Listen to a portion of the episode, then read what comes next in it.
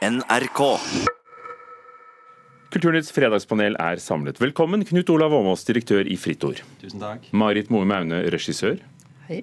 Marta Breen, forfatter, sist av boken om muser og menn som kom for kort tid siden. Hva handler den om? Den handler om hvordan eh, mannlige kunstnere og kulturmenn har tatt seg eh, mye frihet og store rom på bekostning av eh, kvinner. Den kunnskapen der kommer nok um, godt med i dagens fredagspanel. Men la oss begynne med det vi akkurat har hørt. Én av fire unge mellom 15 og 25 har altså ikke lest en eneste bok det siste året. Det gjelder 16% av jentene og kvinnene og 31% av guttene og mennene. Er det så farlig, Marit Moe Nei. Marta Breen? Ja. Knut Olav Åmås? Ja. Den med den mest bekymrede rynken får uh, første svar. Det er det vanlige. Nei, altså Dette er jo ikke noe nytt. Det har vært flere år med, med nedgang i lesningen blant unge. Og um, e-boka har jo ikke tatt av, og strømmetjenester er store for uh, lydbøker, men ikke for, for uh, e-bøker. Så jeg tror unge har, um, ikke har tilpassa seg de nye teknologiene for bøker. Og så sliter både foreldre og skole med å motivere til å lese. Og det er tankevekkende å høre de som ble intervjuet som sier at de ikke har tid til å lese. Da er, det, da er det noen i omgivelsene som har gjort en litt for dårlig jobb med å vise alt det spennende som finnes. Eller Marta Breen, har de så mye å lese på skolene og studiestedene at de, de ikke rekker å sitte og ja, og, og, lese historier i det romaner. Det kan nok være noe i det også, for det er jo en parallell trend vi hører om altså denne flinkisgenerasjonen, og at de er veldig skoleflinke og, og, og, har innmari høye ambisjoner på vegne av sin uh, framtidige karriere. Og, da føles det kanskje bortkasta uh, å lese f.eks. en roman da, som ikke står på pensum. Uh, så det kan være noe i det. Og, jeg er enig med Knut Olav her at det er eh, bekymringsverdig, da, dette her, denne utviklingen. Men jeg, men jeg, vet helt, jeg vet ikke om det var sånn at um, unge leste veldig mye mer skjønnlitteratur på, for noen tiår siden. Og, også, og, disse tallene viser jo at det er også ganske mange som har lest bøker. Så det er jo mange ulike måter å se det på. Eh, men eh, når det gjelder dette med satsing, for det var jo også inne i reportasjen at myndighetene må satse, og det gjør de jo. Det er jo leseåret nå. Det er eh, satsa titalls millioner på lesing nå i 2019. Og Til liten nytte, altså. ja, vi, Foreningen Les er viktigere enn noen gang, tror jeg. Altså, nå har jeg to Jeg sa jo nei, da. Nettopp. Eh, og det er jo fordi at eh, selvfølgelig Hvis vi skal ha fullstendig samfunnsomveltning, som det trengs egentlig innenfor utdanningssystemet for at det skal være mulig å få dratt opp en del av de gutta og jentene til å lese mer, hvis vi, ikke, hvis vi forutsetter at vi ikke kan gjøre det, så syns jeg ikke det er noe problem. Jeg har to voksne barn, som begge to studenter. De leser selv om jeg har lest romaner på samme tidspunkt. Den ene leser romaner, den andre gjør det ikke. Uh, leser masse faglitteratur. Uh, ungdommer har aldri skrevet så mye som de gjør i dag. De skriver mye mer, de forholder seg mye mer til språk enn min generasjon gjør. De kommuniserer mye mer skriftlig, mye mer lesende. Så det handler også litt om vårt perspektiv. Og I tillegg så har man fått innenfor mitt fagfelt, i og med at jeg driver med teater og film, så har man fått serier, mye kvalitet, mye som kommer inn, og mye lydbøker og sånn. Når jeg sier nei, så synes jeg, skulle jeg selvfølgelig ønske at de leser mer bøker. Jeg skal også ønske at flere gikk på teater. Men jeg mener ikke at det er et problem at folk ikke går på teater. Eh, vi har andre problemer. Eh, det som jeg tenker vi trenger, først og fremst nå, det er kildekritiske ungdommer som følger med på litt hva de leser. Og det viser seg, forskning viser at det er jo ingen som er kildekritiske enn dem. Det er jo vi gamlingene som er problemet. Ja, Det var nyheten vi hadde i går i Kulturnytt. Enig, enig, i det Marit sier om kildekritikk. Men eh, det å lese bøker gir jo en fordypning og konsentrasjon. Litt mer attention span, ikke sant. Eh, vokse litt som mennesker. Både leve seg inn i andre verdener når det gjelder skjønnlitteratur, og, og å få ny kunnskap gjennom sakposene. Og forlagene har, forlagene har, nok en enda større jobb å gjøre når det gjelder akkurat de unge voksne. De er gode på barn og, og voksne, men ikke de yngre. Hvis jeg kan svare kort på det, så er jeg selvfølgelig enig i det. Men hvis vi snakker om det er et problem, så syns jeg vi har større problemer når det gjelder f.eks. trykket på lekser. Jeg har sittet sjøl med tenåringer. Jeg lurer på når skulle de lese en roman? Det lurer jeg veldig på. Marta Brenn. Samtidig så er det viktig å ikke liksom fremstille lesing som på en måte råkost og fiber, og at det skal være så sunt, for det tror jeg ikke frister så veldig. Nei. Så det er jo på en måte dette her med altså ja, Litteratur er ofte best når den er ganske usunn også. Og ganske frivillig. ja. For før var vi jo bekymret hvis folk leste, forleste seg på, på romaner, og nå er den bekymringen flyttet til uh, TV-serier og, og, og, spill. Men hvis de får de samme Altså hvis folk får inntrykk Spiller det noen rolle om det kommer i den ene eller andre formen? Ja, altså, Mange unge mennesker spiller jo dataspill f.eks. to-tre timer om dagen, så man har jo tid til noe. da. Men det er fascinerende det Martha sier om eh, altså ikke gi de råkost og helsekost, men, eh, men litt uh, trash food. Altså noe, noe spennende, noe Mer underholdende også. Ja. Og som tidligere leder av faglitterær forfatter- og oversetterforening, Martha Breen, så vil du kanskje helst sett at, at de leste ikke romaner, men fagbøker? Ja, ja, sakprosa er en veldig bra måte å, å få inn kunnskap på. Ja. Det, men begge deler. Dere, Nytt tema, kildekritikk, var, var et av stikkordene her. Og, og, Vi skal snakke om Steve Bannon, tidligere politisk rådgiver for Donald Trump. Eh, strateg og, og trollmann på høyre, ja, ganske ytterste høyre fløy i amerikansk politikk. Og nå prøver han seg på europeisk politikk og, og samle europeiske nasjonalistiske partier eh, rundt omkring på oppdrag fra en, en belgisk eh, politiker. Han talte på mediedagene i Bergen i går. Mange protesterte og mente han ikke hadde noe der å gjøre. Blant dem var Bergens ordfører. Nordiske mediedager de inviterer sjøl de de ønsker å ha, men jeg mener det er et stort ansvar når de nå har invitert en av de som eh, tar til orde for eh, fascisme i verden i dag. Uh, this is a rising movement, and it's not going to go away, so you just can't pretend it's not going to be there.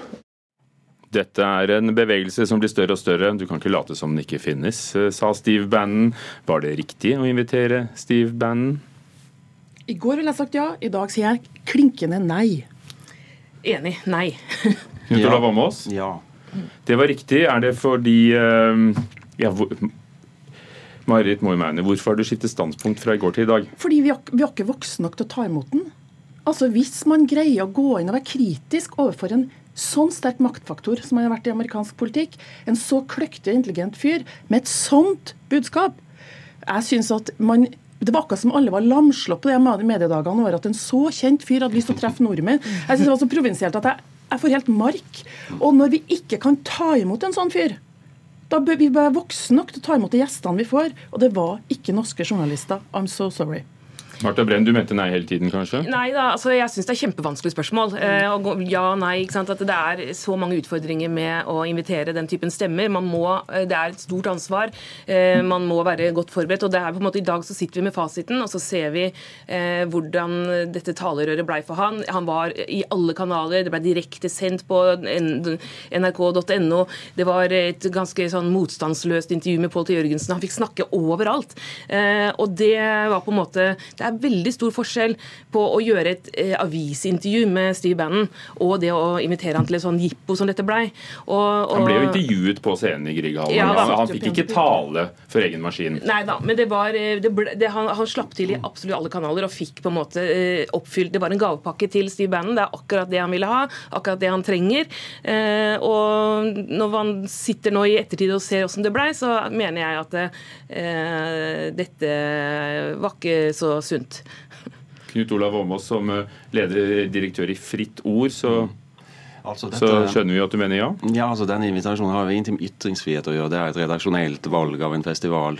Eh, og, og, jeg mener at det var riktig, altså isolert sett, men, men, også litt overraskende. Han var jo en større figur for et par år siden, like etter at han hadde gått av eh, hos Trump eller blitt kasta ut. Altså Det han representerer, ultranasjonalisme, populisme, Eh, er, er, interessante fenomener. Det vet vi jo mye om. Vi trenger ikke han eh, hit til Norge for, for, å høre om det. Men han reiser jo selv rundt i Europa nå og fyrer opp under de samme bevegelsene. Eh, enig med, enig med, flere av dere også at eh, han har, eh, han har, ikke blitt møtt på en sånn veldig kritisk og tøff måte. Jeg så også intervjuet med Pål T. Jørgensen i går. Altså Når man blir spurt er du antisemitt, er du fascist, det, dette sies, og så svarer han nei da, jeg er ikke det. Så, for, så er det ikke så mye å lære, rett og slett. Så dette sier noe om Man kan invitere hvem som helst, men da må man være eh, virkelig forberedt og, og gjøre noe skikkelig ut av det. Da Med så... den figuren ville det vært mulig å fått noe mer ut av ham, tror dere? Altså, dette er jo hans fora. Han er så trent, han er så dyktig på det. Jeg mener jo også, som, som du sier, det er ikke noe ytringsfrihet. For Hvis det var et ytringsfrihetsspørsmål, så ville jeg si ja til at veldig mange skal slippe det. Men, den, men vi skal være klar over hvor han står. Altså, det, det er vi jo. Gå, han, jo. Ja, men vet folk Han, han måtte gå fra Det hvite huset som ble kasta av Trump fordi at han stiller likestrekk mellom jenter som blir skutt og de nazistene som skyter. Altså, det er, dette er I Charlottesville, det, dette er og da syns jeg det er så rart at folk satt og sa, og til og med Stavrum sier etterpå han var en veldig hyggelig mann. Jeg blir helt sånn matt. Det er jo også skummelt fordi han er en del av en internasjonal eh, bevegelse. Og det er jo på en måte noe av bakgrunnen for at han vil eh, komme hit også. Jeg har nettopp vært i Ungarn og jeg var i Brasil for noen eh, måneder siden og, og ser at denne her eh, halv, altså høyrepopulistiske, antifeministiske eh, bevegelsen er på frammarsj. Ja. Og mange rettigheter står på spill i mange land. Det er abortmotstand, det er eh, flørting med fascismen, som er, som, er, rett og slett en skummel faktor. Eh, Eh, i verden i dag. Og så Var det noensinne noen fare for at det budskapet ville nå hjem, når han står der og, og skal da forhåpentligvis uteskes om strategiene han opererer med? Tingen er jo det at Han har dessverre også mange følgere og mange tilhengere, eh, også her i Norge. Eh, så det, det, er, det, jeg mener at da, det stiller så enormt høye krav til de som inviterer han, og det er kanskje der vi mener at det, det feila litt. da. Enig i det. Nå er jo Folk flest er kritiske og kan gjøre seg opp sin egen eh, mening, men eh, journalister må gjøre mer hjemmelekser, altså. Mm, hjemmelekser igjen. Woody Allen. Vi flokket til filmene hans i tiår etter tiår. What's the difference? It's all mental masturbation. Oh, well, now we're finally getting to a subject you know something about. Hey, don't knock masturbation. It's sex with someone I love. Umiskjennelig Woody Allen. Først elsket vi filmene, nå løper Amazon fra kontrakten om de siste nye filmene hans og vil ikke ta i ham etter anklager om at han skal ha misbrukt stedatteren. Det har aldri blitt noe dom der, men det har vært store artikler og mye skriverier og harde påstander. Og nå får Allen ikke utgitt memoarene sine hos noen av de store amerikanske forlagene, skrev New York Times nå nettopp. Er det feigt å ikke ville utgi erindringene til en så viktig mann som Woody Allen? Nei, ikke feigt, men trist. Nei. Ja.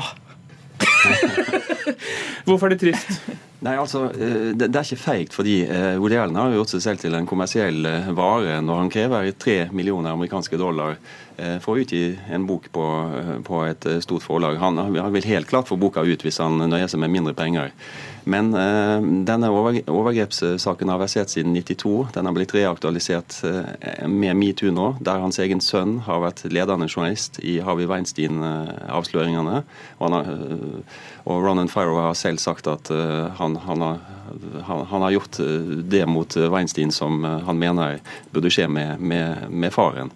Så USA har et helt spesielt klima, så det er Eh, ikke overraskende i det kommersielle sfære, det som skjer. Marta Breen, er det historien om, om, muser og menn?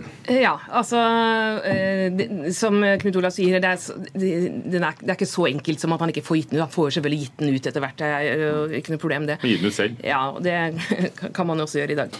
Eh, men det er klart det er et backlash for sexistiske kulturmenn akkurat nå.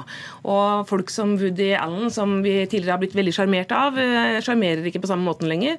Folk som har vært omgitt av ja-mennesker hele livet, de møter nei noen ganger. og det er ikke det det ganske deilig? Ja?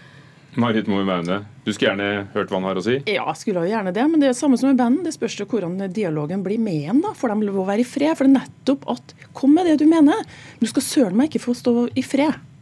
Som regissør, liker du filmene hans? Jeg syns at han har laga utrolig mye fine filmer. Så jeg er jo som fagmenneske interessert i ham. Akkurat som jeg er interessert i Hamsun.